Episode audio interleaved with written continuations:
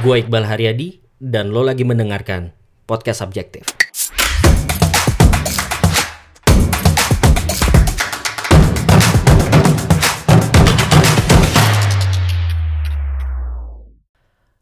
Hari ini gue pengen bahas tentang salah satu topik yang penting dalam karir yaitu mencari mentor. Jadi triggernya adalah karena gue baca tweetnya James Clear, uh, penulis buku Atomic Habit. Dia nge-tweet kayak gini. In business, you will learn more by making friends with peers who are two steps ahead of you than you will from mentor.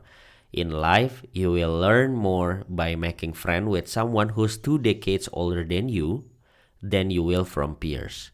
Jadi dia bilang kalau dalam bisnis lo akan belajar lebih banyak dengan berteman dengan orang yang dua langkah di depan lo ketimbang lo belajar dari mentor.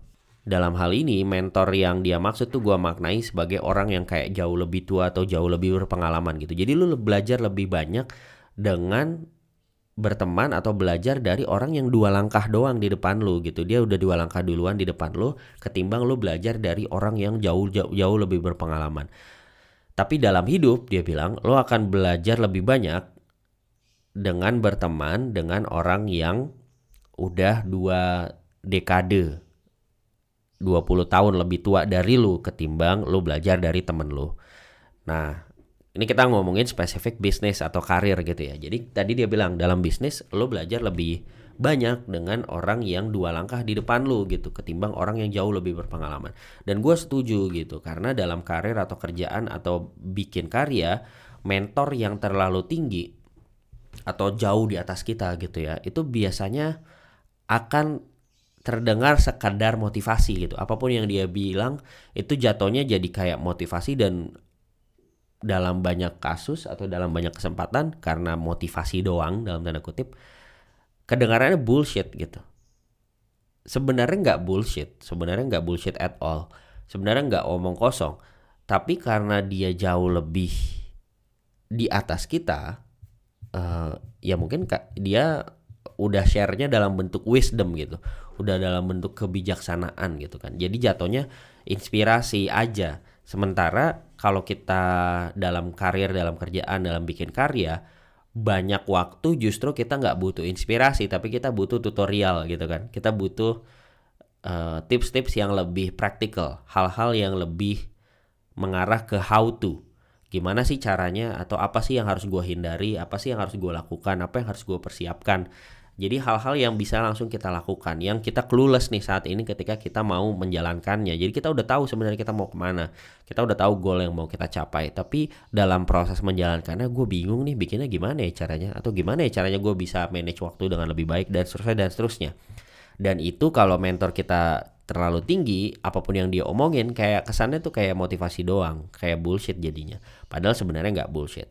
Meanwhile, kalau kita ngobrol sama orang sama mentor yang satu atau dua langkah di depan kita nggak jauh-jauh banget gitu ya. Jadi ibaratnya kalau gue di kerjaan ya gue ngobrol sama orang yang setahun atau dua tahun pengalamannya lebih banyak daripada gue atau misalnya gue posisinya adalah manajer gue ngobrol sama senior manager gitu. Jadi nggak jauh-jauh banget nih dua tahun yang lalu dia ada di posisi gue gitu itu akan lebih relevan karena biasanya lebih dekat sama kita gitu kan. Ketika kita mau nanyain sesuatu, dia bisa dap bisa relate dengan lebih cepat karena gue juga pernah di posisi lu dan gue pernah di posisi lu itu nggak lama-lama banget kayak masih setahun yang lalu, dua tahun yang lalu atau bahkan beberapa bulan yang lalu sehingga apa pun advice yang dikasih itu dia lebih relevan buat kita.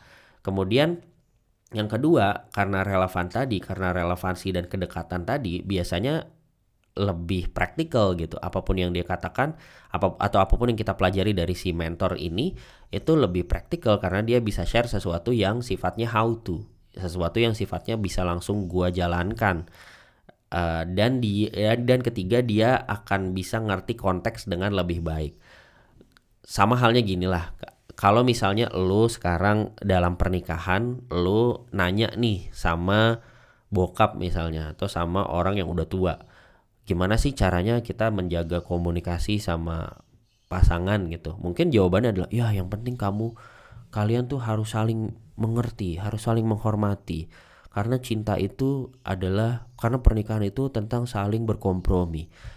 Sebatas itu gitu. Tapi kalau kita ngomong sama senior misalnya kakak kita yang udah nikah 2 tahun lebih dulu daripada kita mungkin jawabannya akan lebih praktis. Ya makanya bro lu bikin jadwal deh tiap hari Jumat lu keluar sama istri lu lu makan bareng. Atau ya lu go food bareng.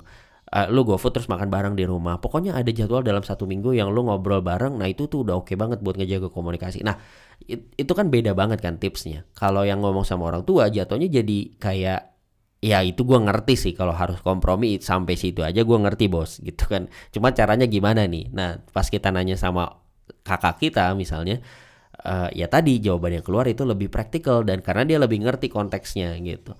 Uh, dan dia baru jalanin itu dua tahun yang lalu. Kalau sementara kalau kita nanya bokap kan mungkin kayak udah jalanin tapi udah 20 tahun yang lalu misalnya kayak gitu kan.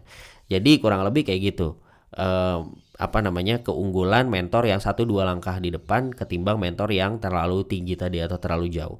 Nah, terakhir gue pengen share cari uh, cara mencari mentor atau peers yang bisa lo lakukan. Yang pertama adalah dengan cara ngobrol sama senior atau manajer di kantor lo.